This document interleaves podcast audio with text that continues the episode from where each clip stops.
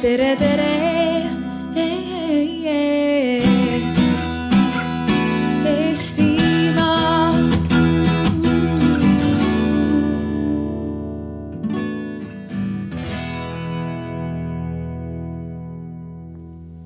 Mina puutusin es, esma, esimest korda kokku sellega, tänu sellele, et Kairi kutsus mind äh, endale appi ja ma ei suutnud ei öelda talle.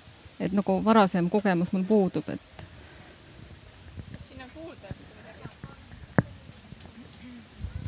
et tulles siis selle arutluse juurde, et kui möödunud ajal oli tavane, et mitu põlvkonna elas ühe katuse all ja vanavanemad ikka hoidsid lapsi, siis tänasel päeval tegelikult ju osad, väga paljud vanavanemad käivad siiamaani tööl ja tekibki probleem, et kes siis lapsi hoiab, et kui näiteks lapsevanem ise käib kaheksast kaheksani tööl. et lapse, lasteaed on avatud kuskil seitsmest maksimum seitsmeni. aga siis tekibki see tund aega või isegi poolteist tundi, kui ei ole kedagi, kes last vaataks ja talle lasteaeda järgi läheks. et nii, see paneb ka lapsevanemad raskesse olukorda, et, et lapsi üleval pidada on ju vaja tööl käia. aga et tööl käia on vaja kedagi, kes lapsi vaataks aeg, kui töö on või siis lihtsalt leidma sihukese või, võimaluse või jätma lihtsalt töö, töö käimise pooleli. Tormas olnud ka öösel avatud lastehoiust on tulnud rääkima meile Ainika Silinski.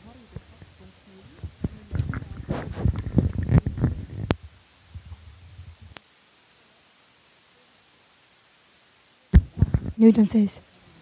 ikka ei ole, on, okei okay. mul on hääl ära, vabandan kõigepealt. ja kui ma niimoodi juba enam midagi ei tee, siis võtab Triin mu jutu kenasti üle.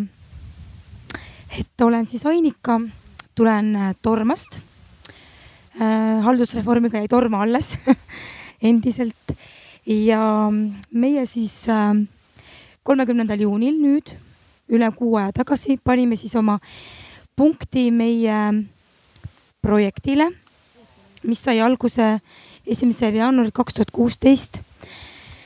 Äh, lapsehoiu äh, teenus. ma võtsin ühe targa paberi kaasa, kuhu on siis kirjutatud selle projekti äh, nimi või ütleme, selline idee või lause. et pakume lapsehoiuteenust lapsevanemate hoolduskoormuse vähendamiseks ja tööturul osalemiseks. seda teenust käsitlesime kui sotsiaalteenust ja see on siis eriilmeline lapsehoid, mis tähendab, et hoiuteenust pakuti õhtuti, öösiti ja nädalavahetustel. nii, ja teenust said siis kasutada lapsevanemad, kes töötasid ebatraditsioonilistel tööaegadel. kust see projekt üldse alguse sai, eks ikka elu ise tõi ta meile lauale. ja, ja see on selline projekt, mis tegelikult läks käima kõikidele kokku langenud asjadele. Nii sellele, et olles ise igapäevaselt sotsiaaltöötaja, oli meil ikkagi ju igapäevaselt ähm, probleemiks ähm, ähm, üksikvanemate toimetulek, tööturul olemine ja, ja ütleme see, et see meede just samal ajal ka lahti läks, et see oli nagu rusikas silmaauku. samal ajal vabanes ka meil ähm, kohalikus lasteaias terve rühmaruum, mis sai siis selle jaoks kohe ilusasti ka ära kasutatud. ma ei tea, kas panen väga metsa oma jutuga et, et nii ta meil nagu idee sündis ähm, ja projekti esitamise tähtajast stardini läks kokku neli kuud. ütleme otsuse stardini äh, läks kokku kaks pool kuud. oli kiire, oli mm, palju probleeme, aga töö läks lahti ikkagi, vaatamata takistustele. nii aitäh, ma tutvustaks edasi, et on äh, Paide täiskasvanute kooli direktor Anneli Suits ka siin kohal rääkimas sellest lastehoiust, mis kooli juures on. olen siis, on kuulda? Olen Anneli Suits ja see teema puudutab mind mitmest aspektist. esiteks olen ise vanaema, mul on neli lapselast ja ja ma ei saa öelda, et mind kasutatakse ära, aga ma suurima heameelega panustan laste lap,, lapsepõlve. see tähendab, et lapsi ikkagi hoidma peab päris palju ja, ja suvi on ikka olnud äh, lastega kaetud kogu aeg teiseks puudutab see teema, sest olin kaua aega Viljandimaal lasteaed, algkooli direktor, kus oli ka internaat. ligi kümme aastat töötasin siis internaadiga, kuhu toodi need pisikesed maimukesed nädalaks ajaks hoida. see oli väga populaarne ja, ja väga kallis, ma sellest pärast räägin. ja kolmandaks olen nüüd siin täiskasvanute kooli juht ja leian jälle, et lastehoidu on väga vaja, et noored emad saaksid koolis käia. ja meie tegevust praegu on toetanud ESF rahad kolmandat aastat ja täpselt samuti vajalik, aga väga keeruline igapäevaselt ellu viia. et siin on nagu mitmed aspektid, on see, et mida meie seadused nagu lubavad, millised tingimused peavad olema, kus leida neid inimesi, kes võõraid lapsi hoiavad ja kes selle eest vastutab.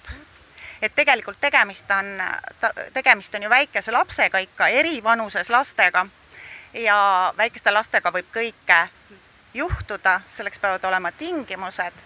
nii et äh, ma arvan, et selles kõiges on arenguruumi veel palju, et see oli minu tutvustus nüüd, et ma annan edasi siit sõna. aitäh ja meiega on tulnud arutlema ka Annika Nõulik, kes on Paide linna lastekaitsetöötaja. Annika Nõulik, Paide linnavalitsus, lastekaitse peaspetsialist. ilmselt äh, siia kutsutud äh, arutlema kui kui kohaliku omavalitsuse töötaja ja rääkima siis ähm, sotsiaaltöötaja vaateväljast ähm, antud teema plussidest ja miinustest, et äh, kindlasti ei ole see ühekülgne, siin on vaja silmas pidada laste heaolu ja ilmselt ma võtan sõna kõige lõpus siis. aitäh. selge, aga aga siis tuleks torm, Torma juurde tagasi, et äh, osad küsimused said juba vas vastused, mis mul oli välja mõeldud, et äh, küsiks siis järgmisena seda, et millised olid takistused sihukese asja elluviimisel? kõigepealt muidugi aeg. aeg pani nagu oma sellise piitsa peale, et kõik Äh, nõutavad dokumendid, just, et just see nõuetele vastavus ka rühmaruumi suhtes, et, äh, et see oli nagu kõige suurem meil, see dokumentatsioon. et see nagu, me ei saanud ennem tegevuslubagi, kui kõik meie tingimused ei olnud selleks täidetud. suur pluss selle juures oli see, et see oli tegutsev äh, lasteaia rühmaruum, mis oli vabanenud ja ütleme, selline, need tingimused olid nagu loodud et me ei pidanud nagu alustama nii-öelda neljast seinast. ma ei teagi, mis meile nii väga raske oli, Triin, oskad kommenteerida, meelde tuletada, meil ei olnud nagu midagi ületamatut.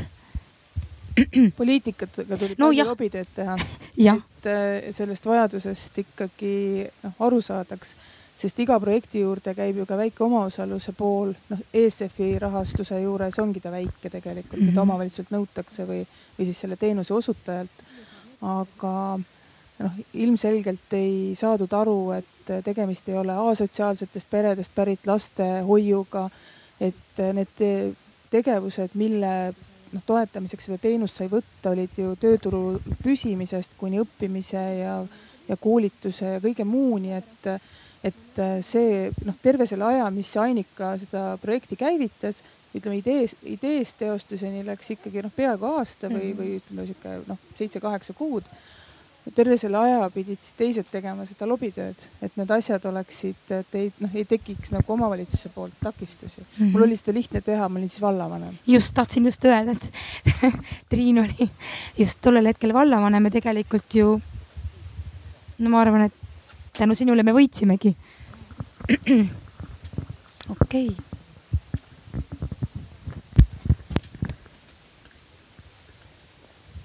palju oli hoidjaid ja kuidas oli korraldatud laste hoidmine teil seal? aa, hoidjaid. tööle võtsime kokku viis naist. sellega me juba võitsime seda, et meil saidki tööd naised, kes ei, ei käinud eelnevat tööd, see oli juba üks, üks võit, et inimesed said tööd. Ja meie töö oli korraldatud ikkagi graafiku alusel. Äh, me pidime ikkagi jälgima seda, et me äh, ei tee ületunde. räägime, kas te mõtlete seda, seda poolt? ja meil oli ka asendustöötajaks pisikese koormusega, kes siis täitis need kohad ära, kui oli, oli asendada vaja. jah kuidas? ja kõik äh, töötajad olid äh, kvalifikatsiooniga läbinud esmaabikoolituse, sest need nõuded tulid ka tegevusloa taotlemise juurde kohe, peab olema tingimustele. Ja meil olid kõik, meil vedas naistega ka, et äh, kõik olid sellised äh, lastega varem kokku puutunud, kogemustega äh, ja Töötukassa tugi oli ka väga suur kõrval just, kes aitas ka tegelikult koolituse poolt, kui oli vaja nagu ütleme, teha veel väljaõpet kellelegi. see läks meil hästi, personaliga läks meil tegelikult väga hästi. jah, just. palju hoitavaid lapsi teil oli? nii kahe poole aastase perioodi peale käis meil hoius ligikaudu nelikümmend last nii et lepingulisi emasid-isasid oli meil kakskümmend kaheksa. see on nüüd kogu selle kahe poole aasta peale. Oli, kes ähm, noh, tuli, kes läks, aga tühja kohta ei jäänud. et äh, me siin oleme ikka teinud statistikat, et ähm, kuu lõikes keskmiselt käis meil läbi hoiust neliteist kuni kakskümmend last et võib-olla mõtlete, et see on väike number, aga meie koht on ka väike. et meil on seal paari tuhande ümber elanikke ja meie oleme lubanud äh, hoida ka ära kõrval omavalitsuste lapsi. et kui meil on võimalik, siis me võtame ka äh, kõrvalt omavalitsust lapsi. nüüd on meil suur Jõgeva vald. no siis on kõik üle, üle ühe küla tüdrukud või poisid hoida ja reaalselt ikka. just äh, nüüd uue, äh, uue projekti käimalöömise tarbeks tegime väikest statistikat, et, ähm, et selline öine, kuidas öeldakse, hoidmine oli keskmiselt kümme ööbimist kuus. kümme päeva jah, kuus, ütleme noh, ööd, kümnel ööl jah, jah kas te mõtlete päris, et? nii.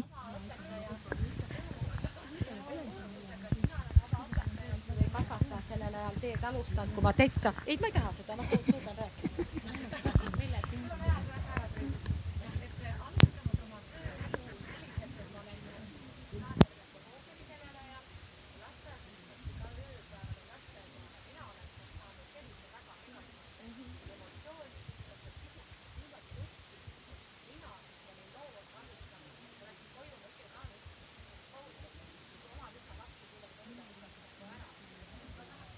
ja,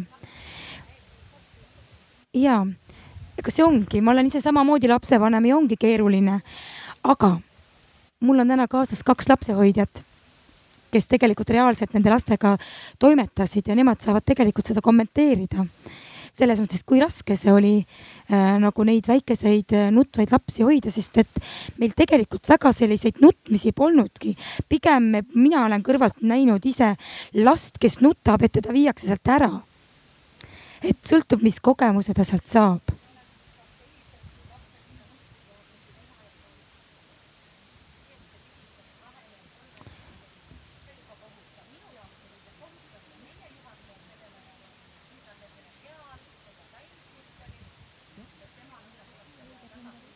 mm. -hmm.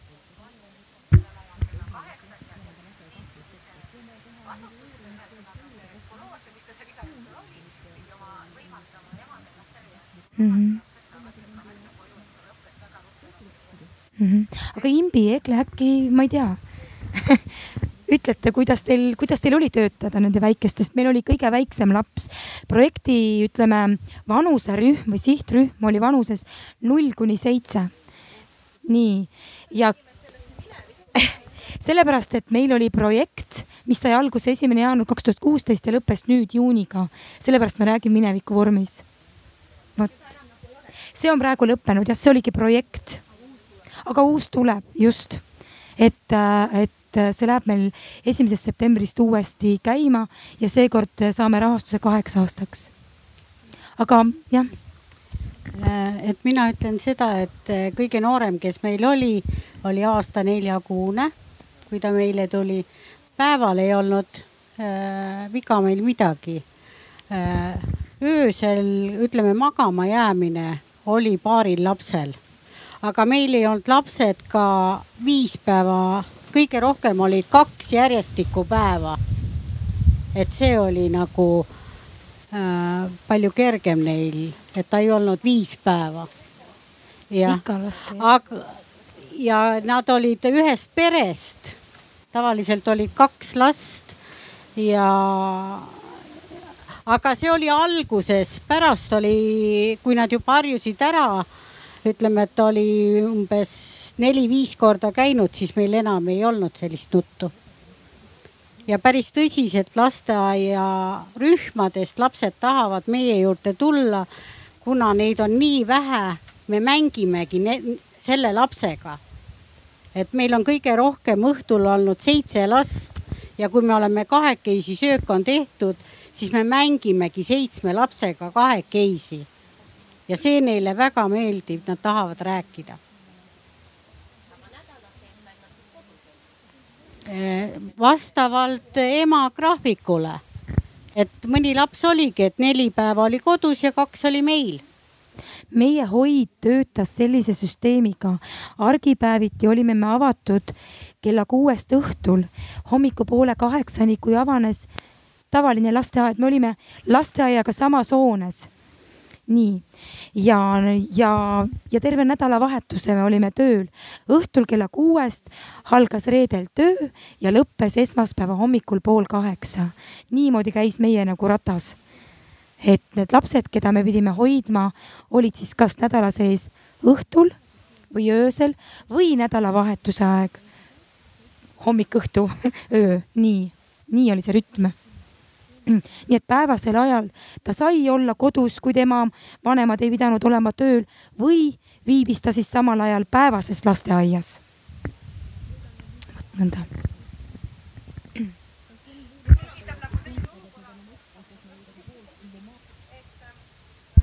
tulevast lugu, et ühesõnaga hommikul ma viin lapse kella kaheksaks lasteaeda, siis ma kella kuuest toon teie juurde või siis te järgmisel hommikul te lükkate jälle lasteaeda ja mina näen oma last. kaheksateist aasta pärast. just, on võimalik täiesti me oleme seda ise ka omakeskis no,, aga see on karm nali. aga põhimõtteliselt on see võimalik. et nagu aru siia... saada, siis äh, lapsed olid hoius ikkagi siis, kui vanem käis nagu näiteks noh, lüpsjana tööl, et kui hommikul kuskil kella nelja aeg läks, kolme-nelja aeg läks, et lihtsalt, et see, ta ei võtnud ajanud ööd, öösi last üles, vaid et tal oli võimalik õhtu laps lasteaeda saata siis hommikul talle järgi tulla. täpselt nii. ja nad, nagu ma tean, siis nad, nad käivad mingi teatud arv päevasi tööl, et mingid teatud vahetused, siis neil on jälle vaba aeg. just, sest paljud vanemad töötavad ju graafiku alusel ja siis nad toovadki oma lapsi, kui neil on tarvis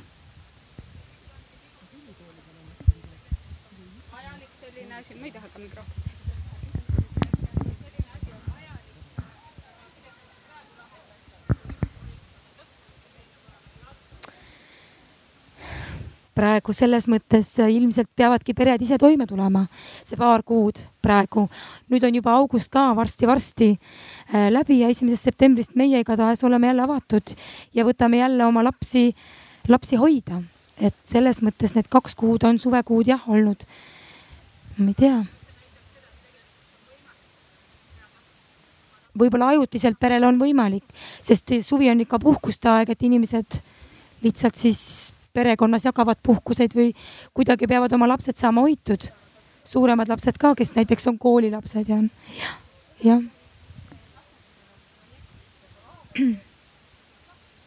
vanemale maksis ta ainult toiduraha osa. muus osas me lastelt, vanematelt raha ei küsinud, ainult toit.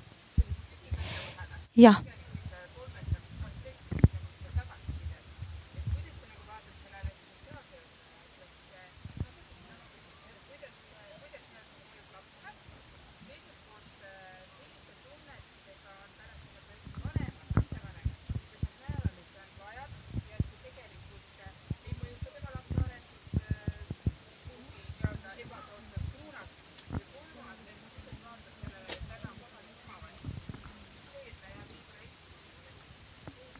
jah, tegelikult oli ju ka see algselt ju ka teemaks, et ähm, kui projekt ei saa noh, ütleme rahastust, ütleme Euroopa Liidust, et kas meil omavalitsusel oleks omal endal võimekust seda projekti pidada, siis tegelikult ei olnud meil nii palju võimekust, et seda projekti nagu käima lükata.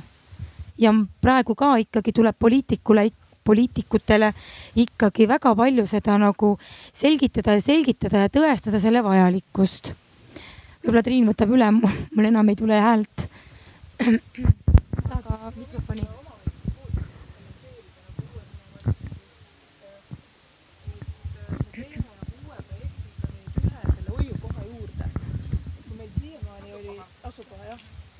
kui meil siiamaani oli Torma, et linna. on vaja seda või? on vaja, okei okay et, äh, et nüüd tuleb Jõgeva linna ka juurde, et, et see Jõgeva linnaosa on meie jaoks nagu väljakutse. Jõgeva linnaosa alustab teenus jaanuarist. et selles osas siin on jälle Töötukassa olnud meie nagu hea koostööpartner ja toetav, toetav organisatsioon, et, et nad ammu oot-, on oodanud seda, et nad ei saa naisi tööle äh, teenindussfääri, nad ei saa naisi tööle äh, meditsiini, äh, noh, kasvõi sanitari või, või abitöölisteks. meil on tööjõupuudus teatud kohtadel, kuna lihtsalt vanem peabki olema punkt kell seitse lasteaias järel ja, ja seda ei küsi keegi, aga tööandja täna nagu ei vaata seda, meil on kohe-kohe avanemas äh, Äh, uus vineeritööstus, kus kaks kolmandikku töökohti on suunatud naistele. et äh, kus töö käib kolmes vahetuses, et jah, või kui töö on mobiilne või noh, mis seal salata, ma vallavanemana ka viisin oma lapse hoidu, kui oli õhtul kell äh, kuus algas koosolek, siis ja lõppes kell üheksa, siis ma noh, poiss oli lastehoius. Lihtsalt sellepärast, et no töö oli vaja ju ära teha, ma ei saanud ju öelda, et vabandust, mul on laps, on viieaastane, et ma ei tule rahvast teiega õhtul koosolekut pidama, onju. Need olid minu valikud ja ma arvan, et see hoius olemine pigem andis nagu sellist äh, karastust ja lapsele siukest sotsiaalsust juurde, aga laste, lastel hästi palju sõltub iseloomust ja tüübist. me ei saa noh, ühe vitsaga öelda, et, et äh, ühtegi last see ei mõjuta positiivselt või negatiivselt, kui tal on pikad hoiupäevad. noh, ilmselgelt ka see, kui sa viid vanaema juurde kaheks nädalaks lapse, siis pärast on temaga kokku saades pöörane, et noh, nii on aitäh. ma ei tea, kas said kõik küsimused vastatud? ma tean, et Annelil vist oli küsimus veel. sa mõtled, oota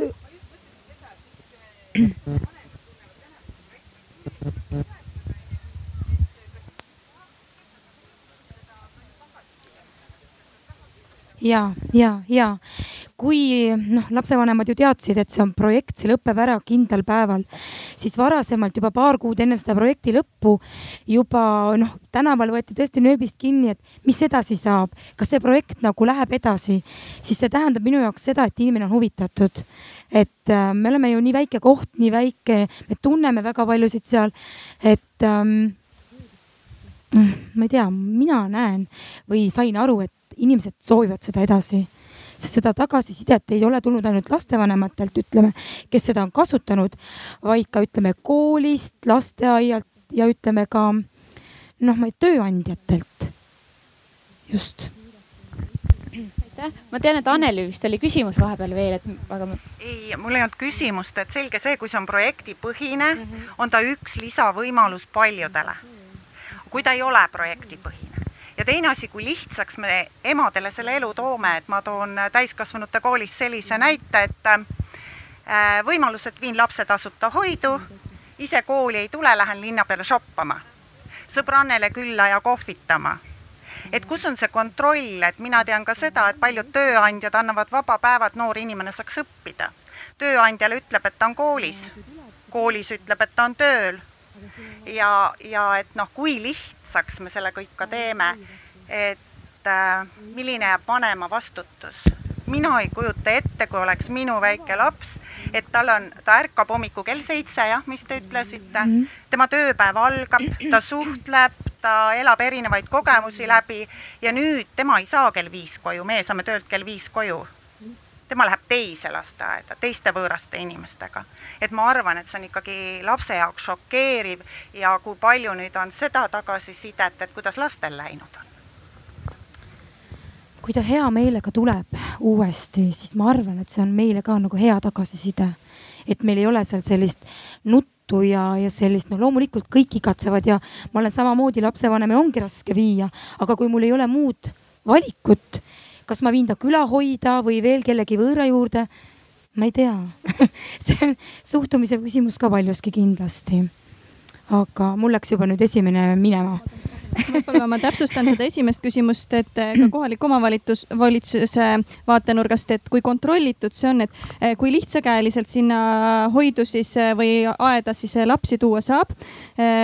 piisab selle lihtsalt van, lapsevanema ütlusest või avaldusest või on see lepinguline ja peab pikemalt ette teatama või, või on ka siia segatud kohalik omavalitsus, näiteks lastekaitsetöötaja, kes peab olema kursis.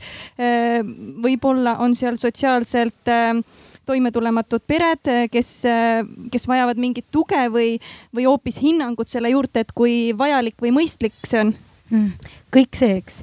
tegelikult on meie võit see, et me oleme väike koht ja me tõesti teame inimesi ja projekti üks tingimus oligi see, et seda last saadki tuua ainuüksi selle jaoks, kas sa naased tööle, kas sa säilitad oma töökoha ja nii edasi. see, et ma tahan teatrisse minna, mul pole lihtsalt lapsi kuskile panna, see ei, see ei, seda õnneks meil ei kasutatud ka et äh, kuigi, kuigi neid momente tuli, kus lapsevanem ütleb, aga kust te teate, kuhu ma lähen, onju. ma ütlesin, ma usaldan teid.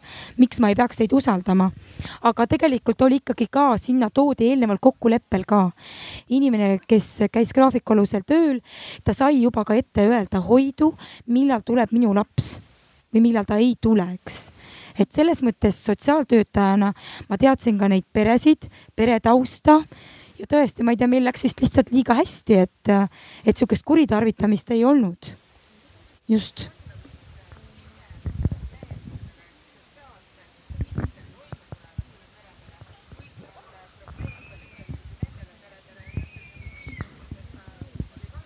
just. jah. jah ja mina sotsiaaltöötajana samuti, sest minu laps oli ka seal hingekirjas ja kasutasin seda teenust täiesti ööseks. ma teda, kuigi ta ise lunis, ma tahan jääda ööseks, palun jäta mind ööseks, ma ei tea, mis teda seal võlus. aga, aga ma vägisi viisin ära, sest seda polnud tarvis. et ähm, Reelika, küsi uuesti. pered, seal oli igasugu peresid, ma räägin, et seal oli üksikvanemaid, kellel ei olegi lähedasi sugulasi, ütleme käepärast võtta, kellel, kes ongi üksikvanem üksiku lapsega. seal oli peresid, kelle isa töötab Soomes, ema töötab kiirabis. Äh, kõike variante, kõik ei olnud tõesti nüüd ütleme need mitte toime tulevad pered, õppivaid noori täpselt õppimise tõttu hoiti lapsi, kes sai läbi projekti tööle ja jäi ikka nagu äh, teenuse kasutajaks. meil oli seal igasuguseid variante. jah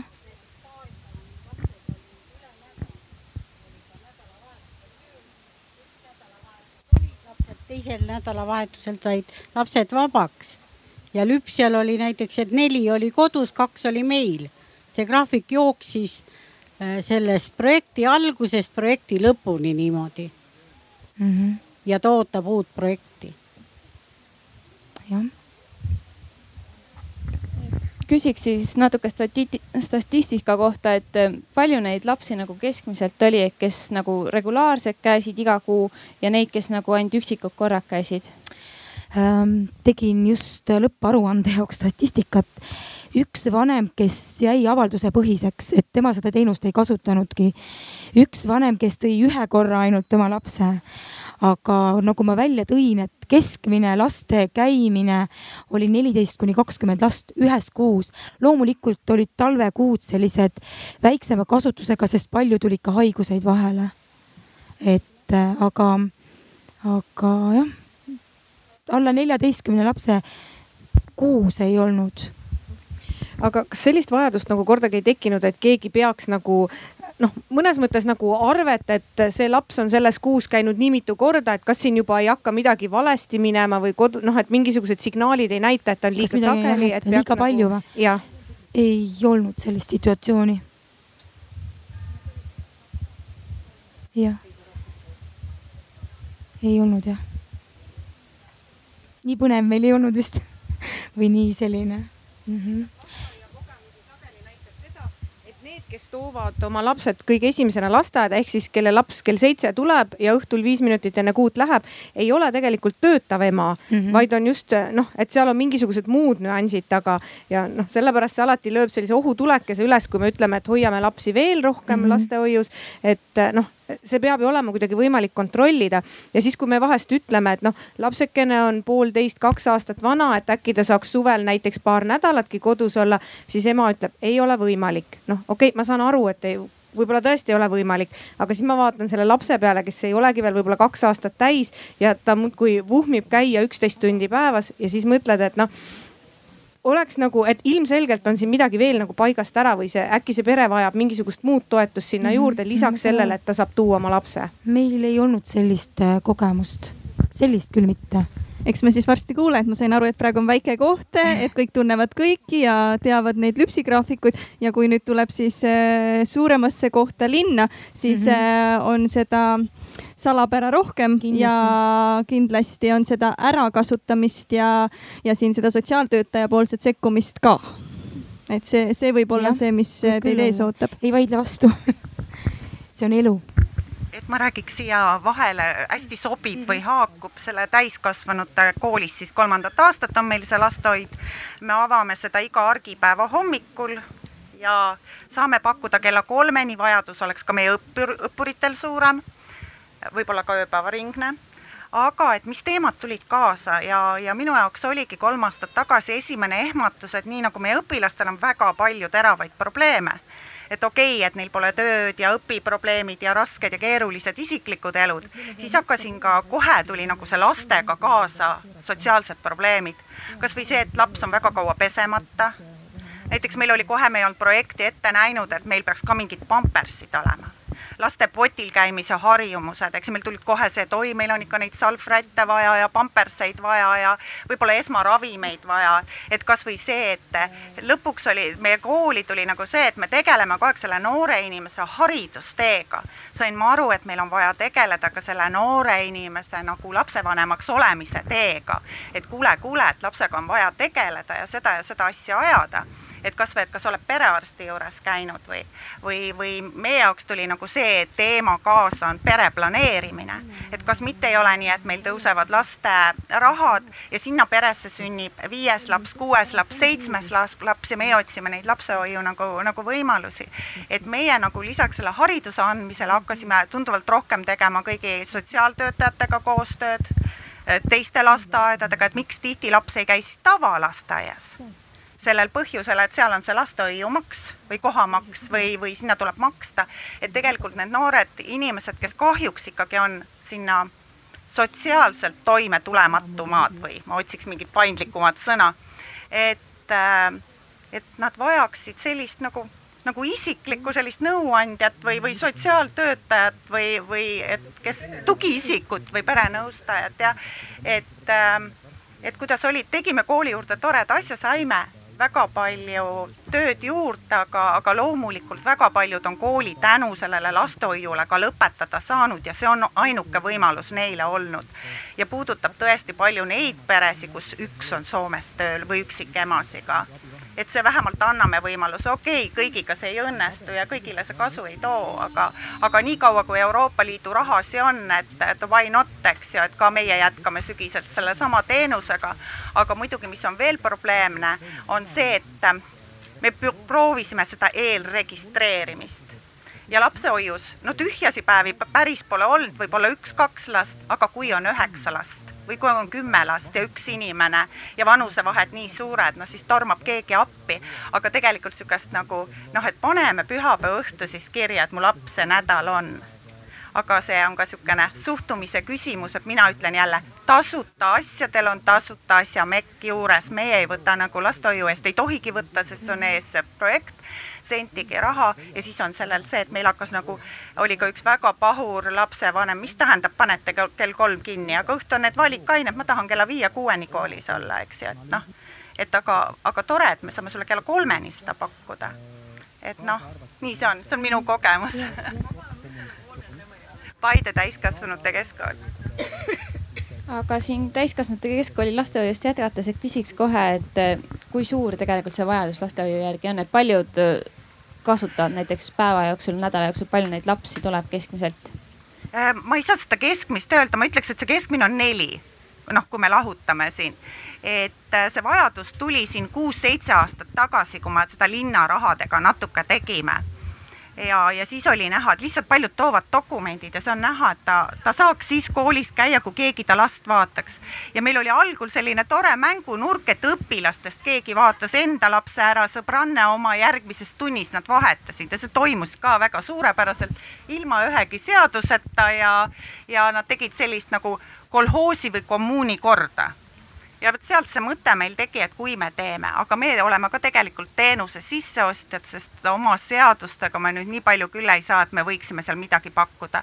ja lõuna ajal tuleb lapsevanem tunnist ise, võtab oma lapse ja viib sööma sööklasse.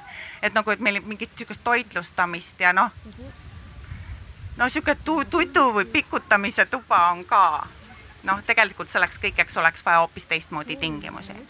et et, et seda sealt nüüd suuremalt teha, et maksimum on, ma ütlen, nii mitme lapsega teie üksi suudaksite keegi toime tulla.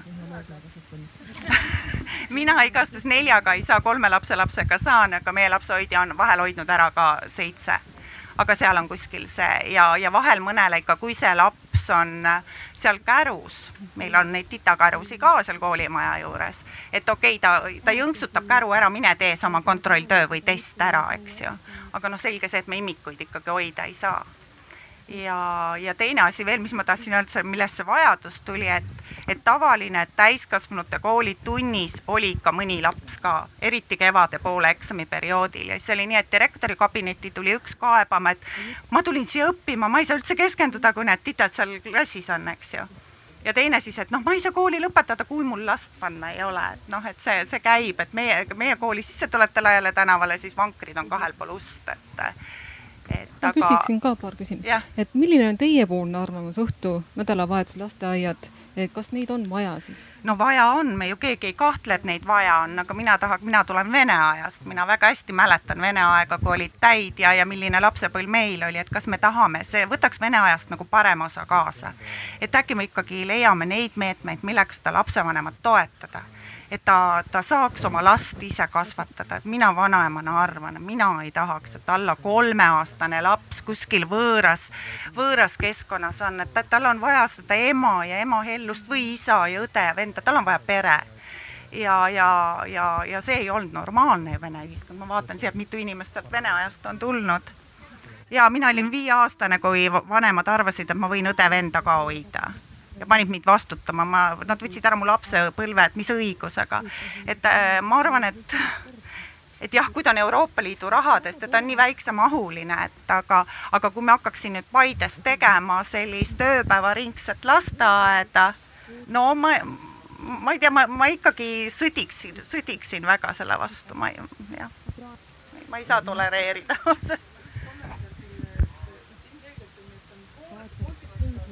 mm. -hmm aga me ei pääse enne sellest äh, vajadusest, äh, kui ei ole meie majandusmudel, Eesti riigi majandusmudel muutunud. et äh, me oleme võtnud oma selle ööpäeva lasteaia osas või lastehoiu osas natuke šnitti ka Soome riigist ja Kaarina linna, linna kogemustest. et seal on aastakümneid see asi töötanud ja just nimelt samamoodi vajaduspõhiselt ja ainult tööl käivatele ja, ja koolis käivatele emadele.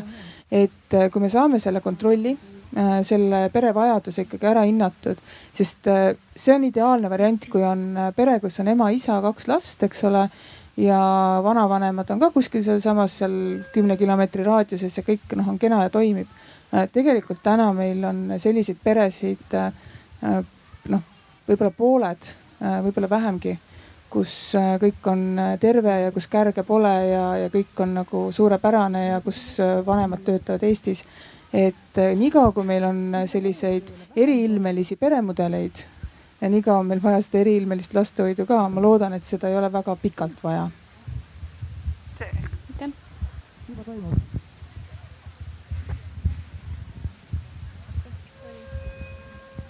kas oli midagi lisada? ei, ei, ei, Triin pani hea punkti aga siis küsiks Annika sinu arvamust.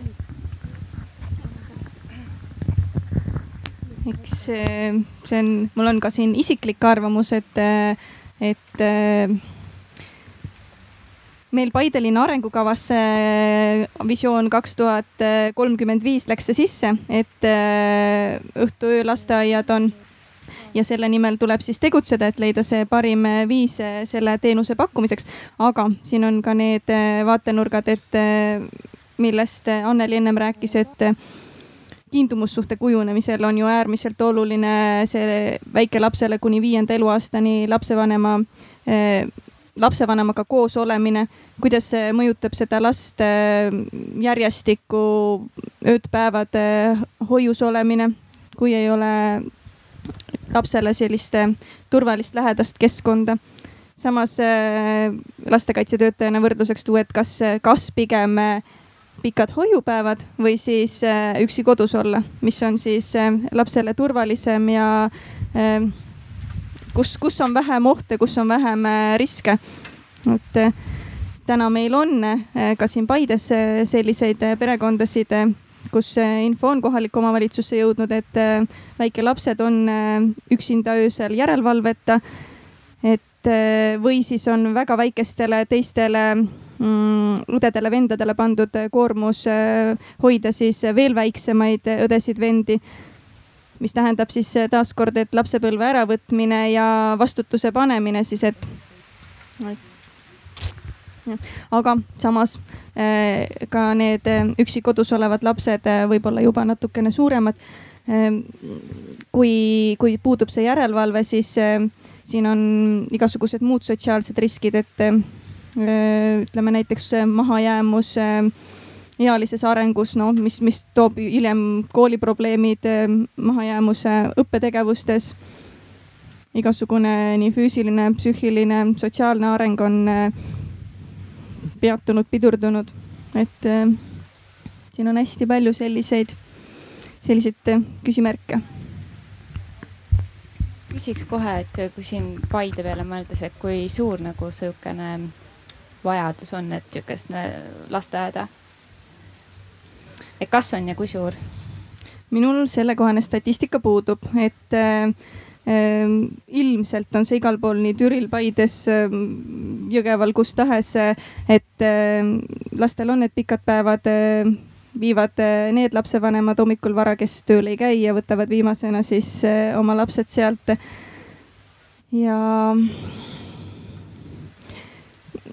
täna ei ole keegi pöördunud kohalikku omavalitsusse sellise murega, et mul ei ole nüüd last kuskile panna, et küllap siis kas nad on nüüd üksi kodus, leiavad äh, sõbrannad, naabrid või vanavanemad. aga küsi see küsimus korra uuesti, et. palju vajadus on? palju see vajadus on, noh, ma ei tea. et see ei ole täna ära hinnatud, täna sellist meil te, sellist teenust ei ole, sest äh, massilist pöördumist ei ole meil on Paides äh, projektipõhiselt äh, puudega laste, raske ja sügava puudega lastele lastehoid, mis on äh, ähm, samaväärne siis, millest siin on räägitud, et raske ja sügava puudega lapsed saavad siis, ähm, nad on ära hinnatud nii kohaliku omavalitsuse lastekaitsetöötaja poolt, kuigi, kui ka siis Sotsiaalkindlustusameti poolt saanud siis vastava avalduse alusel selle heakskiidu, et nad sellisel teenusel olla saavad ööpäeva läbi see on siis eesmärgiga, et lapsevanem saab ehm, ka puhata eh, raske puudega lapsega tegelemisest kuigi eesmärk, miks seda kasutatakse, on pigem ikkagi, et lapsevanem on eh, töötav ja ei ole seda raske või sügava puudega last eh, kuskile siis hoida jätta. tavalastele meil seda teenust ei ole. Kui ma võiksin täiendada, ma arvan nii, et kui me avaks ühe rühma, siis pean vajadus ka teise rühma järgi, et, et, et ma usun ka seda. palju kui võimalusi. aga võib-olla oleks see koht, et mõelda nagu neid alternatiive, et mis selles ühiskonnas on nagu alternatiivid sellele ja et miks me kasutame nii vähe nagu seda näiteks gümnaasiumi noori, kes ju võiks lisaraha teenida ja käia õhtuti lapsi hoidmas või teha mingi valikained või et see laps saaks nagu selle öö, ma saan aru, kui see vanemal on see erandolukord, et ta peab käima koolis sessil või, või vahetustega tööl, et, et talle tuleb koju hoidja, et aga laps saab olla omas keskkonnas, kus on tema mänguasjad, tema kodu ja kuidagi propageerida nagu seda natukene rohkem, et ma arvan, see on ka odavam, et kui teha. mina ei usu, et siin on jällegi ainult positiivsed äh, märgid, et, et äh, kui täna me viime hoidu, kus on äh, litsentsiga töötaja, seal on tingimused, kindlad ruutmeetrid, toidud, toidukorrad, need õpetajad, kasvatajad, kuidas iganes neid hoidjaid nimetatakse, on ikkagi läbinud selle koolituse eel, neil on teadmised selle kohta, siis, siis kui me võtame koju endale kellegi, siis see inimene ei pea omama miskisugust, noh, ei pea omama, loomulikult lapsevanem valib, kelle ta siis enda lapse juurde sinna võtab tööle, aga jah, see on, see on selline koht, et, et kelles aga. öös magab enamus aega, et seal ütleme, et kella üheksast hommiku kuueni ei ole mul mingit litsentsi vaja, keegi lihtsalt vastutab. aga kes selle eest maksab sellisel juhul, kas see jääb lapsevanema enda kanda, et tema peab tasustama selle inimese töötasu ja üldiselt, üldiselt on siiski need madalamapalgalised, kes on graafiku alusel tööl, et, et me ei saa öelda, et need, kes nüüd on öösel tööl, on jõukamad kui kui kuskil juhtival kohal või kaheksast viieni tööd tegevad inimesed, et see lapsevanem kindlasti ei jõua seda lapsehoidjat tasustada. ja, aga see on ikkagi tegemist öötööga, et mis teie projekt maksis, et poleks Tormale siin küsimus, et, et milliste rahadega te olete hakkama saanud? kogu projekti, kogu projekti maksumus oli sada seitsekümmend üks tuhat millegagi. kaks aastat või? kaks pool aastat see puudutas ainult personali ja seal oli valla osalus ka.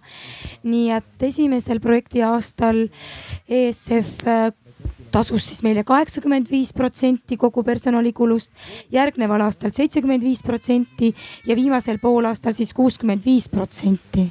et see oli selline süsteem ja tasus ainult personalikulud, kõik, mis puudutas kommunaali.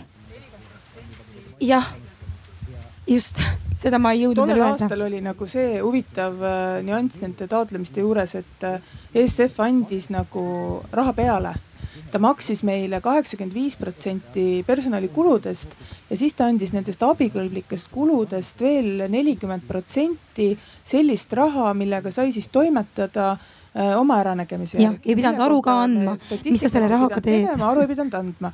selle rahaga me saime sisustada need tühjad lasteaiaruumid me saime osta kõik need käibevahendid, needsamad pampersid ja salvrätid ja kõik see maailm, mis nagu tegelikult selle lapsehoiuga kaasa tuleb.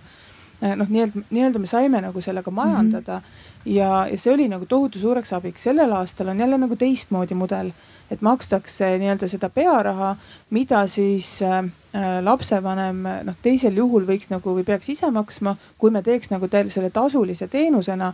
ja, ja siit seesama raha küsimus, mida, mida Annika nagu ka välja tõi, et, et tegelikult see pere, kes või see ema näiteks, kes hoiab oma last noh, nendel päevadel lasteaias kui tal ei ole nagu noh, vahetust ega töö, eks mm. -hmm. ja, ja siis ta toob lapse lapsehoidu, on ju. lasteaias ta maksab ju noh, täis kuutasu pluss nende päevade eest siis selle toiduraha ja kui ta peab maksma veel meil ka nagu need noh, lisaks selle.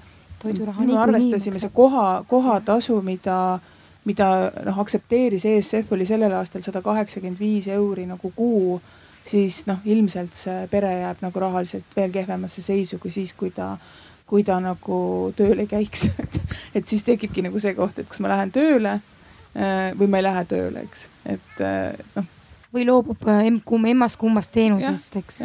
Mis on, on kulukam ilmselt võib-olla lasteaedadele. jah, need palgad kahjuks ei ole nagu meie piirkonnas nii head, et, et võiks nagu panna, noh eeldada, et pered jõuavad kõik omale vajalikud teenused ise osta aga kui ma küsiks nii, et kui teil see ESF ära lõpeb, et kas te olete nagu kindlad, et kohalik omavalitsus selle raha nagu leiab ja see asi saab jätkusuutlikult nagu kesta ma loodan, meil on koalitsioonilepingus see sees. tublid olete aga küsiks kohe ka, kui pikalt see uus projekt nüüd äh, kestab? Uus projekt nüüd kaks aastat. et pool aastat vähem kui eelmine. ja siis on juba vaikselt juba järgmine Soolas või siis lõpeb vist see esimene. Euroopa Liidu rahad lõpevad Euroopa otsa. Euroopa Liidu rahad lõpevad ära kaks tuhat kakskümmend. aga on juba mõeldud, et kuidas siis edasi? ei ole mõelnud, mina küll ei ole mõelnud. kes teab, kus minagi siis olen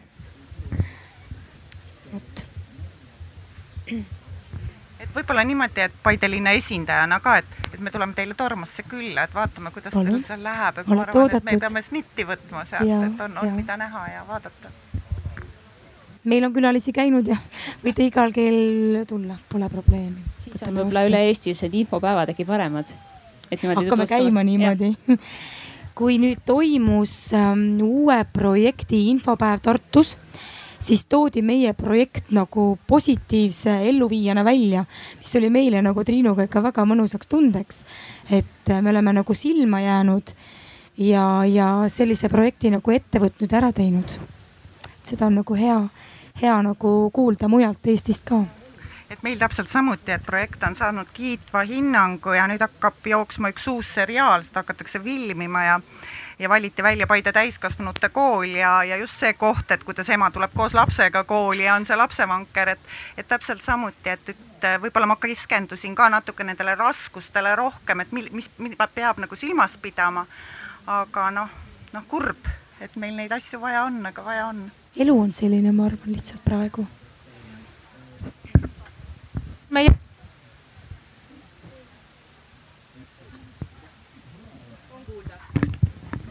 Meie klõbiseb küll midagi.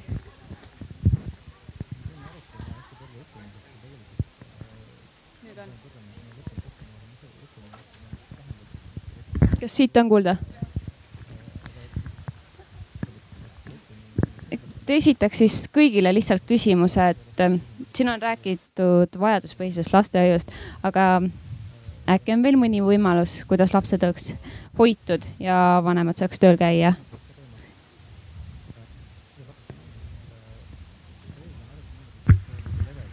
ma tean seda ühte vastust, et kui vanemad äh, tuleksid õppima, et tegelikult, kui me vaatame seda numbrit, kui, milline on noorte inimeste haridustase, meil on väga edukad ja haritud noored, aga see number, mis on igasuguse hariduseta inimesi, ka ilma põhihariduseta inimesi ja nad jäävadki nende lihttööde vahele käima, et ikkagi see koolis käimine, õppimine, kasvõi nüüd kutsekoolides on väga palju lahedaid ja ägedaid kursusi, et, et lihtsalt need noored nagu saaksid õppima, saaksid oma elujärge parandada, et nii kaua, kui nad jäävadki seda välismaa vahet, kus ka pered lähevad katki ja tekivad uued probleemid. Et mina olen küll seda kasu tegelikult, kelle sa ikka sinna kooli saad ja kes oma lõputunnistuse kätte saab, et tal saab olema nagu ikkagi natuke seda paremat hingamist ja, ja uut väljavaadet minul oleks ka üks äh, mõte, mis on alternatiiv ja ennetamise mõttes ka, et äh, kui kui kohalik omavalitsus äh, teaks nendest peredest, nendest probleemidest, juhtumitest varem, siis saaks pakkuda vanemlusõppeprogramme, kus siis toetada neid lapsevanemaid tegema eluliselt olulisemaid valikuid, eh, planeerima mm, lapse saamist, eh, laste kasvatamist, eh, toetada, et ei tekiks hiljem siis selliseid probleeme, mis on siis tekkinud valikute küsimuseks, et kuidas me asju korraldame. tahtsin tegelikult Ainika sinu käest küsida. ma tahtsin küsida Ainika sinu käest, et üks naisterahvas ennem küsis siit, et kas ta saab liigset saab äkki liigset tähelepanu seoses sellega, et ta viib liiga tihti oma last sinna lastehoidu. et kas teil on midagi sellist ette nagu tulnud, et pahandusi või kellegi kaeb, kaebusi tulnud, et, et te olete pidanud mingit eh, peret näiteks luubi alla võtma ja vaatama, kuidas ta oma lapsi kasvatab?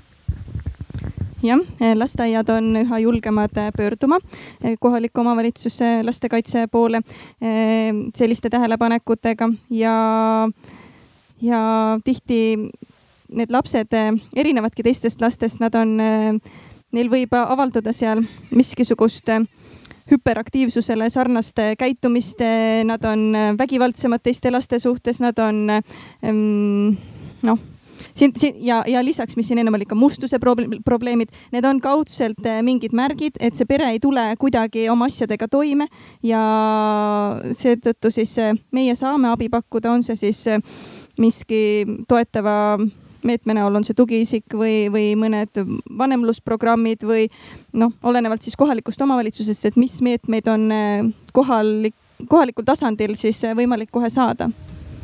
vastasin ma selliselt ära, nagu sa ootasid, jah aitäh, et väga hästi vastatud, et nüüd kõik saite oma küsimusele vastuse ja alati tuleb julgeda abi paluda, et ega keegi teie eest ei, ei saa seda tööd ära teha, et kui te olete ise raskustesse sattunud.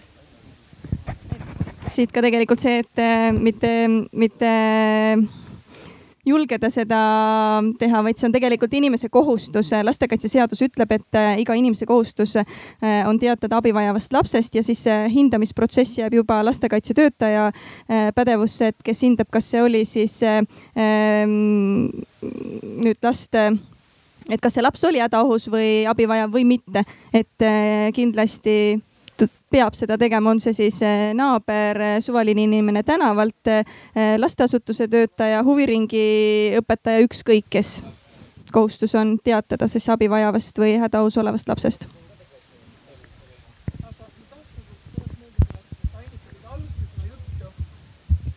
või olin see mina, ma ei mäleta enam, et tegelikult me rääkisime sellest lastehoiuteenusest ja Äh, see probleem, mis meil nagu oli vaja murda tormas, oligi see, et see teenus ei olnud äh, nii-öelda noh, sotsiaalselt toimetulematute perede lastele mm. -hmm. et meil oli ka volikogus oli inimesi, kes ütlesid, et mis asotsiaalide klubi me siia teeme ja mis pered, meil ei ole siukseid peresid ja et me oleme jõudnud nüüd praegu sinna oma vestlusega, et et nagu see teenus oleks äh, suunatud ennekõike siis nendele peredele, kus on noh, toimetulematud äh, pered, eks ole, kus on äh, lapsed äh, raskustes, neid on ka kindlasti seal sihtgrupis.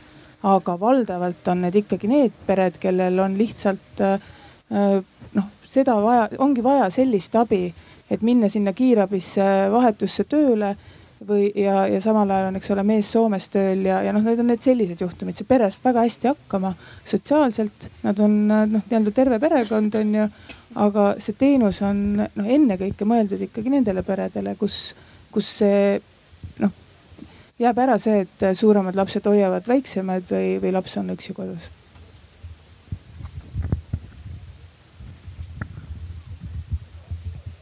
et võib-olla on siin publikul, publik soovib veel küsimusi esitada. et midagi jäi äkki arusaamatuks või rääkijad soovivad ise midagi lisada?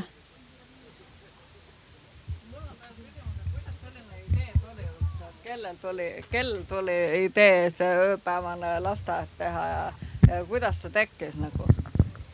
idee, et nagu ma alguses ütlesin, et see oli selliste erinevate asjaolude kokkulangemise koht ja, ja ütleme eh, see oli ju jumala õnnistus selles mõttes, et see meede üldse ESF-ist nagu tuli, selline, selline projekti, projekti teema ja meil oli kohe sinna riburada pidi inimesi kohe, kohe projekti lükata. see ongi lihtsalt selline heade asjade kokkulangemine lihtsalt, vajadus ja, ja võimalus. Kas see noh projekti kujul ta teostus, aga kas see oleks ka ilma selle äh, meetmeta saanud võimalikuks? Triin, kas meil oli sellist mõtet? ei olnud sellist mõtet iseenesest. jah meil oli noh, kauplused on teatavasti ju maal ka kaua lahti, üheksakümneni ja siis vahepeal raamatukogu juhataja hoidis lapsi või lapse või lastekasvatajad võtsid omale koju kaasa sest noh, poemüüjatel polnud lapsi kuhugi panna.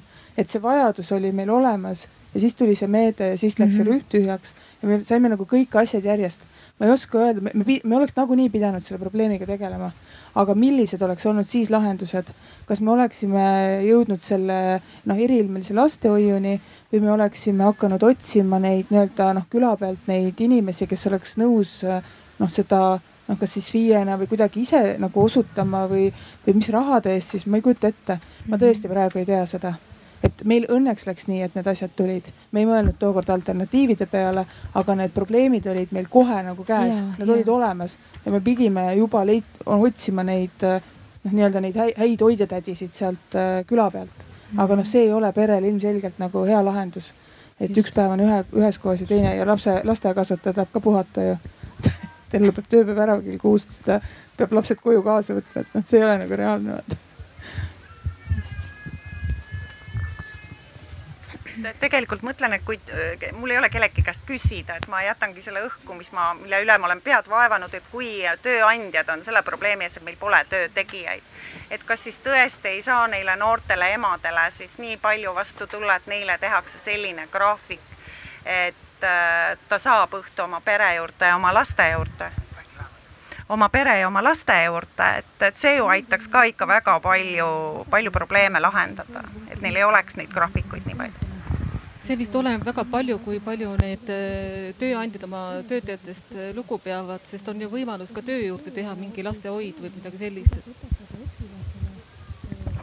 või ka siis äh, suvepuhkuste ajal, et kellele anda siis esmajärjekorras õigus puhkus valida, on see siis väikelastega või mitte. seadus toetab ja. seda ju ka. et kui rääkida siin mingisugusest kaubandusketist, et meil omal Paide linnas, kus siis lapsevanem soovis puhkust saada, tuli vastuseks, et, et see ei ole võimalik. ja siin ja tore, kui inimene oskas pöörduda, et saime juristidega leidsime need seisukohad siis, et kuidas toetada lapsevanemat ja pöördusime tema eest ja lõpuks ta oma õiguse sai, aga, aga sellega tekivad ka konfliktsed suhted seal töö juures, et taaskord jälle valikute küsimus, et aga suletud ring. Äh, tere, mina olen äh, Laura, töötan Sotsiaalministeeriumis, et äh, tegelikult olen üks sellest avatud taotlusvooru määruse autoritest, et hästi tore oli siin niimoodi vaikselt peidus kuulata, et mis on siin arutelul olnud ja, ja tegelikult see mm, ja tõesti, me Tormat ja Paidet oleme kiitnud, et, et paljud äh, kohalikud omavalitsused tegelikult äh, pigem siis nad jäävadki nagu selle tavapärase äh, lasteaia pakkumise juurde ainult sellepärast, et tegelikult nad otseselt ei ole nagu kuskilt seda vanematepoolset vajadust tajunud, sest et keegi ka nagu pole otseselt öelnud, samas ju kohalikul omavalitsusel on ju endal ülevaade, et igas omavalitsuses on äh, poemüüjad, äh, neid äh, graafikuga töötajaid, see on, see on tegelikult uskumatult palju, kui on alla kolmeaastaste laste vanemaid, et, et viimaste andmete järgi oli see lausa kuskil kuuekümne protsendi kandis. Ja siis tekib küsimus, et kus on need lapsed tegelikult et, et mis need, mis, mis, millises olukorras nad on või kus nad, kus neid paigutatakse siis, kui vanemad tööl on, et ilmselt see on nagu selline harjumuspärane, et ma pean ju hakkama saama, kas siis on vanemad, tädid, onud, kes, kes iganes. et kuidagi siis ära korraldatakse ja ongi selline, selline taju, et noh, ma ju ise olen valinud, et mul on ju selline töö, et noh, ju siis ma pean hakkama saama. et, et tegelikult tegelikult see ei saa ju nii olla. meil ju kõigil on vaja ka kodanikena, et, et meil on pood lahti peale tööpäeva lõppu, kui mina käin kaheksast viieni tööl.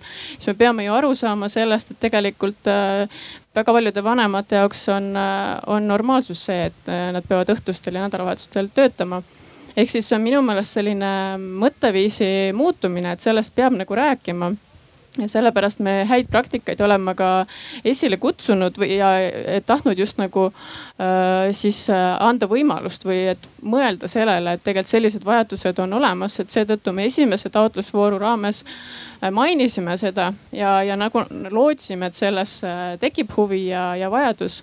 et see oli väga tore, et tegelikult sellised algatused tekkisid. teises taotlusvoorus me rääkisime sellest rohkem ja, ja nüüd on teine taotlusvoor läbi viidud ja sellised, nagu me nimetasime, eriilmelised et lisaks sellistele nädalaste õhtu ja, ja õht- ja, ja siis ähm, puhkepäevade hoidudele on eriilmelisuse all ka näiteks äh, erinevad äh, võõrkeelsed hoiud äh, mis meie mõttes küll ka eriline määruse järgi ei olnud, on ka näiteks äh, õuesõppehoiud ja Montessorid ja kõik muud sellised huvitavad. et, et hästi-hästi selline Äh, erinevad projektid on see, seekord tulnud. et jah, võib-olla siin käis läbi see, et rahaliselt see ei ole enam nii hästi toetatud. siis äh, meie pidime kahjuks lähtuma sellest, et esimeses voorus kasutati ära neli miljonit eurot ja meil jäi kaks pool miljonit alles ehk siis äh, selleks me andsimegi võimaluse võimalikult paljudele, küll siis väiksema sellise toetuse määraga, aga et siiski, et mingis osas oleks toetus olemas. ja, ja mis puudutab nüüd sellist peresõbralikkust et äh, siis meil on ka, on ka projekt, on peresõbraliku tööandja programm, kus meil hetkel on seitsekümmend viis tööandjat.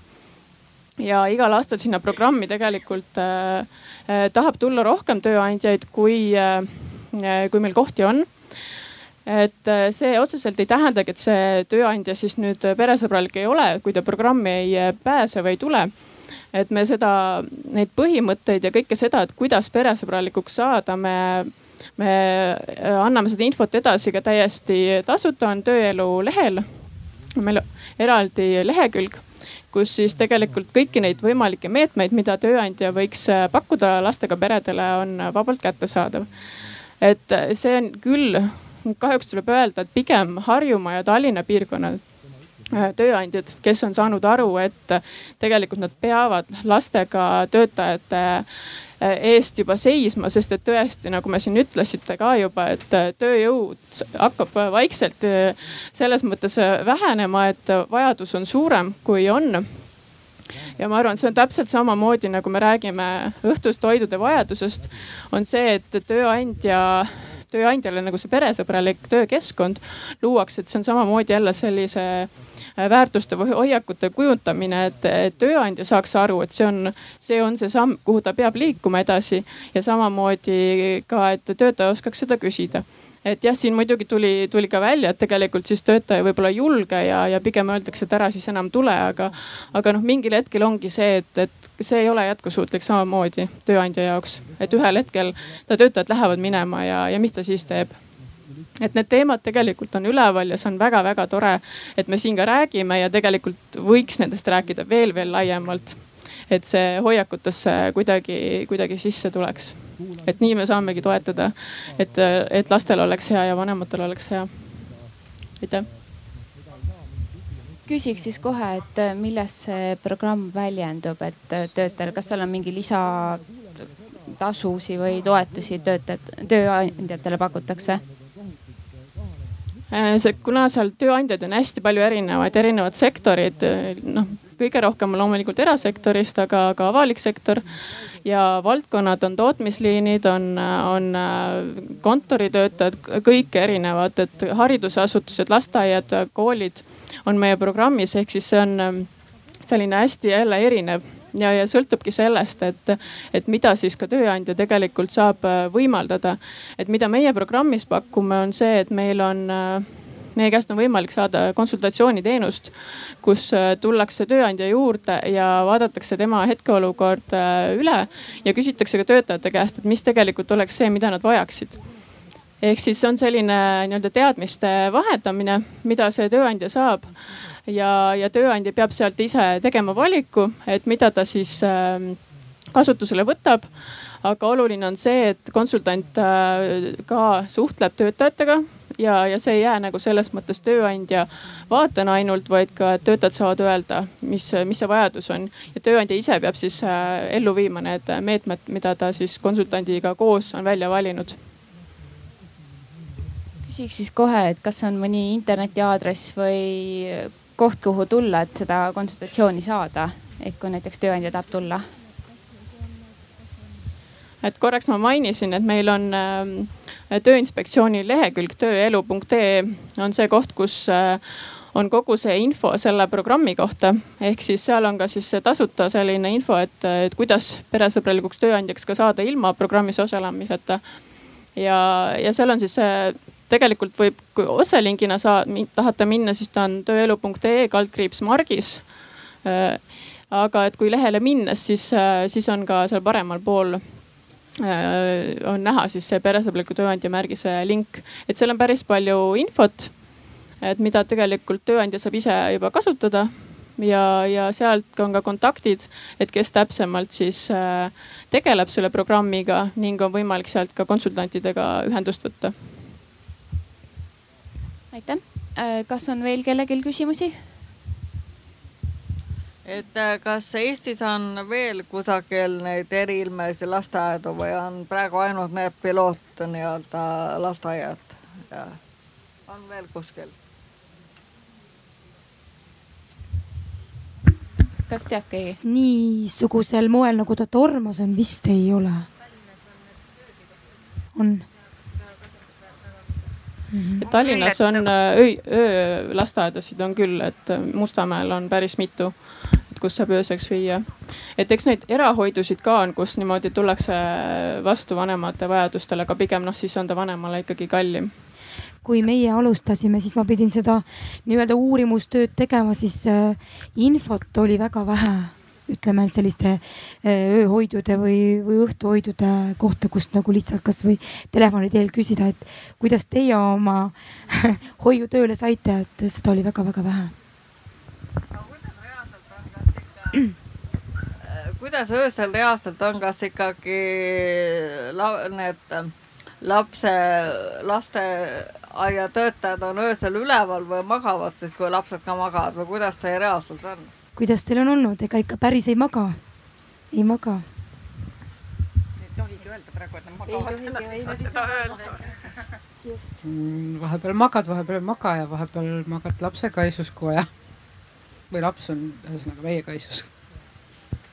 et kuidas kunagi et ma äkki oma selle kümneaastase kogemusega ütleks küll, et see oli ikka pikk aeg, kui lasteaialapsed olid internaadis, meil näiteks ei tulnud kiirabi enam välja.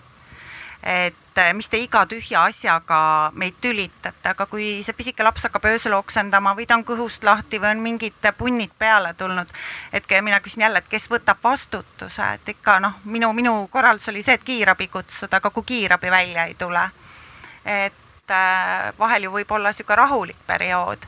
Või kui näiteks tuleb äh, lasteaeda mingi purjus isa, kes on mingil põhjusel on mingi peretüli ja et tähendab, et seal on ka niisuguseid juba turvameetmeid ikkagi vaja, et, et need on need kogemused, mis ma pikast ajast olen saanud, et, et midagi ei juhtuks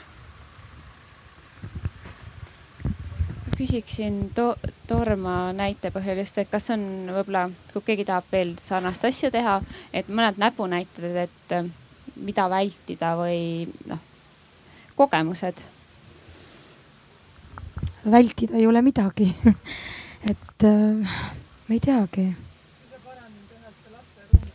just, see on tõesti õige, mis Triin ütles. mingi haridusasutuse ruumides selles mõttes, et need on nii palju Pääste- ja Terviseameti poolt kontroll, kontrollitud, et see on nagu alustajale hästi turvaline. Ja seal vastavad ju need ruumid ja need äh, kõrvalruumid ja õuealad ja kõik nendele nõuetele et sellega ei pea rohkem tegelema. ja ka see, et laps saab minna tõesti ühest uksest teise sisse, et, et ta ei pea minema ei pea ühest külaotsast teise. et vanem, mitte vanem ei vii last äh, lasteaiaruumist hoidu, vaid äh, viib siis hoidjatädi või äh, siis noh, lasteaiaõpetaja, oleneb, kuidas siis see on nagu ära korraldatud. Ja, ja see on nagu selles mõttes noh, lapsevanemale ka ja, nagu okei okay,, et noh, ilmselgelt ei ole võimalik vahepeal käia töölt ära, et ma nüüd viin ta nagu ühest, kohast teise, ühest kohast teise nagu, et. see on küll jah, nagu, kõige õigem nagu koht. kohalikele nagu ta hea. meil ei ole kogemust sellest, kui, kui laps peab tulema noh, teisest hoonest, teisest lasteaiast näiteks. et siis peab see lapsevanem ise selle ära korraldama tõenäoliselt, et kuidas see laps sinna hoidu jõuab, kui ta ise ei saa seda teha. Mm -hmm. aga äh, tolles mõttes on äh, see tormapiloot olnud küll hea, et ta on ikkagi näidanud ära, et ka väikses piirkonnas on need vajadused olemas. ja, ja Jõgeva sellist äh, noh, nii nagu teilgi Paides te ütlete, et teil ei ole nagu täna nagu kaardistust, meil ka ei ole Jõgeval kaardistust ja seda on jube raske teha. Äh, noh, sellist kaardistust, et vot sina, sina, sina ema oledki need me teame Töötukassa kaudu, et neid naisi on, me teame tööandjate kaudu, et Maximas emad võtavad lapsed noh, ongi õhtul tagaruumis seal kuskil ja, ja, ja mängivad seal, eks ole, omaette, et me teame neid juhte ja me teame neid inimesi, kelle poole me peame pöörduma, et kui me jaanuarist Jõgeval alustame, on meil meie lapsed koos ja ma tean, et see teenus on vajalik, aga see on seesama, see müüdi murdmine, et et see ei ole asotsiaalsetele peredele, see ei ole see mingi halb asi, et see on hea asi, see on teil turvaline, tulge ja kasutage seda. et noh, kui et Jõgeva piirkonnas meil ei ole plaanis öö, ööhoiuga te tegeleda, vaid seal oligi õhtune meil, hilisõhtune, et kuni kella üheteistkümneni õhtul. et peale seda, kui on poed, poed kinni, et on võimalik veel nagu noh, seda hoidu kasutada. et, et Jõgeva piloot tuleb natuke teistmoodi, et on linna oma ja vaatame, kuidas see nagu töötama hakkab et me ei oska seda nagu ette praegu prognoosida, et see on, on see koht, kus äh, peredel on natukene nagu vale häbi selles osas, et võtta seda teenust. see oli meil Tormas ka alguses, et äh, sotsiaaltöötajad, lastekaitsjad tegid tohutut tööd, et saada see sihtgrupp äh, teenusele, nii nagu oli perede tegelik vajadus, sest enamus nagu eitasid sest kui me saame, me noh, ei ole nagu seda, et noh, ja siis lõpuks olidki lapsed kõndisid kuskil maantee ääres ja, ja möödasõitjad korjasid neid pabulaid üles, sest suured lapsed läksid mängima ja väiksed olid tegelikult hoidmata. et neid olukordi oli palju, kus, kus see teenuse vajadus tuli hästi nagu kätte mm. -hmm. aga, aga ma tean, et see on kasulik ja, ja kellel tahtmist on, võtke ja tehke. aitäh. kas on veel vahepeal mõned küsimused tekkinud? Et äh, olen Mariana, Alasniidu lasteaia direktor, et äh, tulin siia nagu teema peale, et õhtu ja nädalavahetuse lasteaiad ja kohe mõtlesin, et äh, esimene asi, mis lasteaednikule kohe hirmutule nagu põlema lööb, on, et nüüd nad võtavad selle nõukogude mudeli, on ju. ja teevad nii, et esmaspäeval tuuakse, pühapäeva õhtul tuuakse lapsed ja siis reede õhtul viiakse need ära ja siis jälle pühapäeva õhtul tuuakse, et noh, nüüd hakkab see jälle peale. et tegelikult me räägime ju hoopis teisest asjast, et me ei räägi alushariduse andmisest me ei räägi. puhas laste, hoidmine. ja, et see on puhas lastehoid ja see tegelikult tegeleb ju ainult äh, siis, et ema saaks tööl käia või, või peres saaks inimesed tööl käia et üks asi nüüd on, et kas, et kui meie nii-öelda siis teenusepakkuja, okei okay,, oleneb siis, et kes seda teenust siis pakub. et kui see on nüüd riik ja korraldab kõik mugavalt ära, siis me jäämegi sinna, et meie töökohad ei muutu, nad ei pea muutuma et saavadki öösiti inimesed tööl käia, jäävadki öösiti inimesed tööl käima, jäävadki emad käima üheteistkümneni või neljast, ma ei tea, mis kellani. see ei muutu sest et on olemas, kuhu lapsed panna. kui see surve on nagu teistpidi, et mina tööandjana olen siin, on ju, ja mul on mingid emad ja ma pean neile ise looma võimaluse, ehk ma loon enda juurde siis lastehoiu, nii nagu tegelikult see kool on äh, loonud võimaluse emadele õppima tulla. võiks ka siis töökoht vastutada, et emad saavad tulla tööle, on ju. aga me teeme praegu natukene sellise asja, on ju, et me loome need hoiud, need on veel tasuta ka. ma toon oma töögraafikut, näete, ma käin tööl, on ju, ja ongi, kõik on lahendatud ja mure murtud, on ju et äh, siis see, see näitab seda, et see, ka see tööandja ei muutu, ongi Maximas emad ööseni, ööseni nädalavahetustel mm -hmm. ja nii jääbki olema et kas tegelikult, äh, kas me tahame areneda ühiskonnana nii, et äh, meil ei ole poed ööpäev läbi lahti ja nädalavahetused kõik kogu aeg lahti, vaid kõik saavad inimväärsed töötingimused.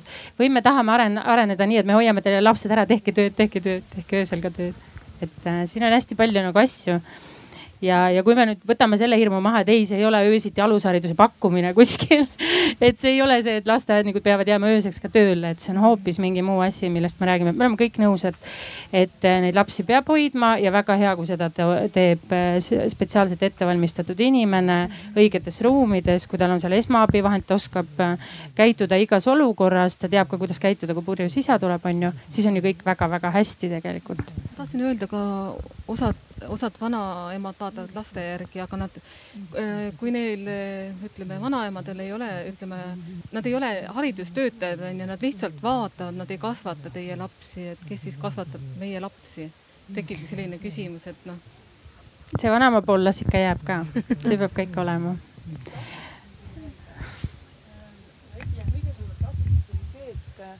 me ei saanud võtta algklasside lapsi hoidu. me ei saanud võtta esimest-teist klassi esimese klassi laps üksi kodus. noh, see. meil oli isegi infopäevadel juttu, et seda võiks natuke tõsta, vanust. et esimese selle nagu tagasisidestamise ajal me andsime ka seda, et, et võimalusel nagu tõstke seda vanust sinna kuni kümneni või üheksa eluaastani, seda noh, projekti nagu perioodi. Et, et noh, nüüd on teine voor ja ikka, ikka on null kuni seitse et see nagu ei päästa, et, et see algklassi. koolides vist on need pikapäevarühmad ka, kas need no, on alles? aga kui ema läheb kell neli öösel tööle, siis see laps on hommikuni ikkagi öösel üksi kodus, noh. see ongi need, et meditsiini, põllumajandust me ei muuda. kaubanduse ja teenindussfääri osas ma olen sada protsenti nõus. Kui me noh, me, me ei saa nagu liiga mugavaks teha seda elu, et, et need peavad need kellaajad mingil hetkel hakkama muutuma, et, et noh, kell üksteist öösel ei ole vaja minna piima ostma poodi, et noh, peab ise nagu mõtlema aga põllumajandusmeditsiin, seal on need noh, vahetused täpselt sellised, nagu nad on. nagu see lüpsja lähebki kell neli öösel välja ja see esimese klassi junts jääb sinna üksi öösel koju ja ta peab hommikul minema sisuliselt sealt, noh, kus ema on nagu tagasi või ei ole tagasi, selleks ajaks kooli on vaja minna ja siis see ema võtab ta sinna lauta kaasa ja siis see laps läheb sealt kooli laudalõhnaga ja siis sealt tekivad need teised asjad onju. et see on meil see oli, see on täpselt see, mille pärast me palusime, et nagu tehke nagu, pange paar aastat juurde, et me saaksime selle esimese, teise klassi ka nagu ära võtta. et, et nad saaksid selle noh, just see öösel üksi kodus olemine või, või õhtul kaua, et nad võivad olla päeval küll julged vennad, näpud läbi lae aga siis, kui ema õhtul kodust ära läheb, ütleb, et nüüd ma tulen nagu võib-olla mingi kell kuus hommikul onju, siis kaob see julgus ära üksinda koju jätta teie arvates? see on ikka lapseti väga erinev, see on hea.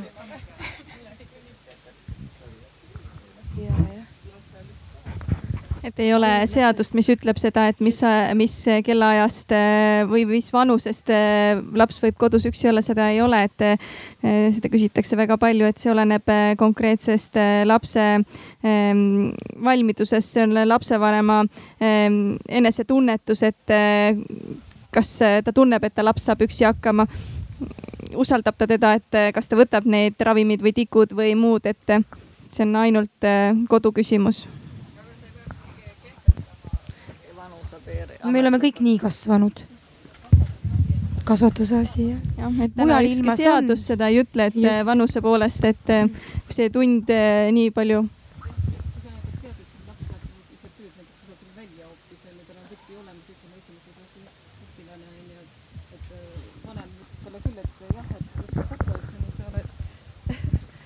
et lapsevanem, lapsevanem teebki selle töö ära, et ta räägib oma lapsele, et, et ma pean näiteks täna tööle minema, et kas on võimalik, sa saad üksinda hakkama, et sa magad rahulikult, sa ei lähe välja.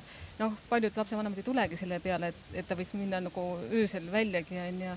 et ma tean juhtumit, kus poiss-laps äh, läks oma ema otsima, jalgrattaga sõitis ema otsima ja, ja ema tuli koju õhtul, õhtul oli su, suvi oli ja siis oli mingi sihuke kontsert vist oli ka, et aga ta tuli, noh, süda hakkas valutama, tuli poolel teel tagasi sealt ja, ja siis äh, oligi, et äh, läks tuppa ja et järsku kuuleb nagu rattakolinat, et kolks käib vastu seina ja siis äh, esimene asi muidugi minnakse lapse voodit vaatama, et polegi last onju, et, et ütlemegi, see käibki nagu üksikvanema kohta, et, et laps ei tundnud nagu üksinda ennast äh, kodus kaitstuna või kindlustatuna, et, äh, et temal jäi nagu mulje, et tema peab, tema peab nagu toetama ema või olema mehe eest nagu väljas onju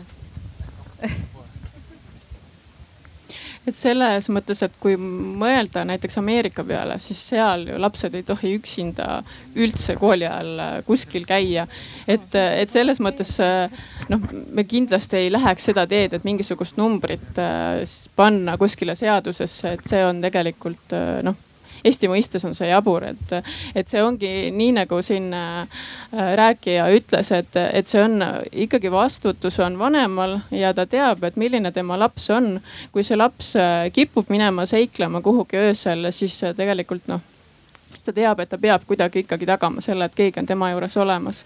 et, et, et selles suunas kindlasti ei taha, et hakata mingisuguseid numbreid seadusesse panema ja, ja see, see oleks selle alus kohe hakata siis ka lastekaitsel ju äh, käia peredes, et kui nüüd mis iganes vanus see võiks siis olla, et noh, loomulikult see on diskussiooni küsimus aga, aga sellest on palju räägitud ja, ja see pigem ongi jäänud nagu pere, pere vastutuseks ja ma tahtsin korraks veel kommenteerida siin seda tööandjate teemat veel, et et ma ei tea, minu teada mujal vist ei, väga ei ole, aga Tallinnas ju äh, Sikupilli Prisma arvas, et kakskümmend neli tundi on hästi tore, kui pood on lahti.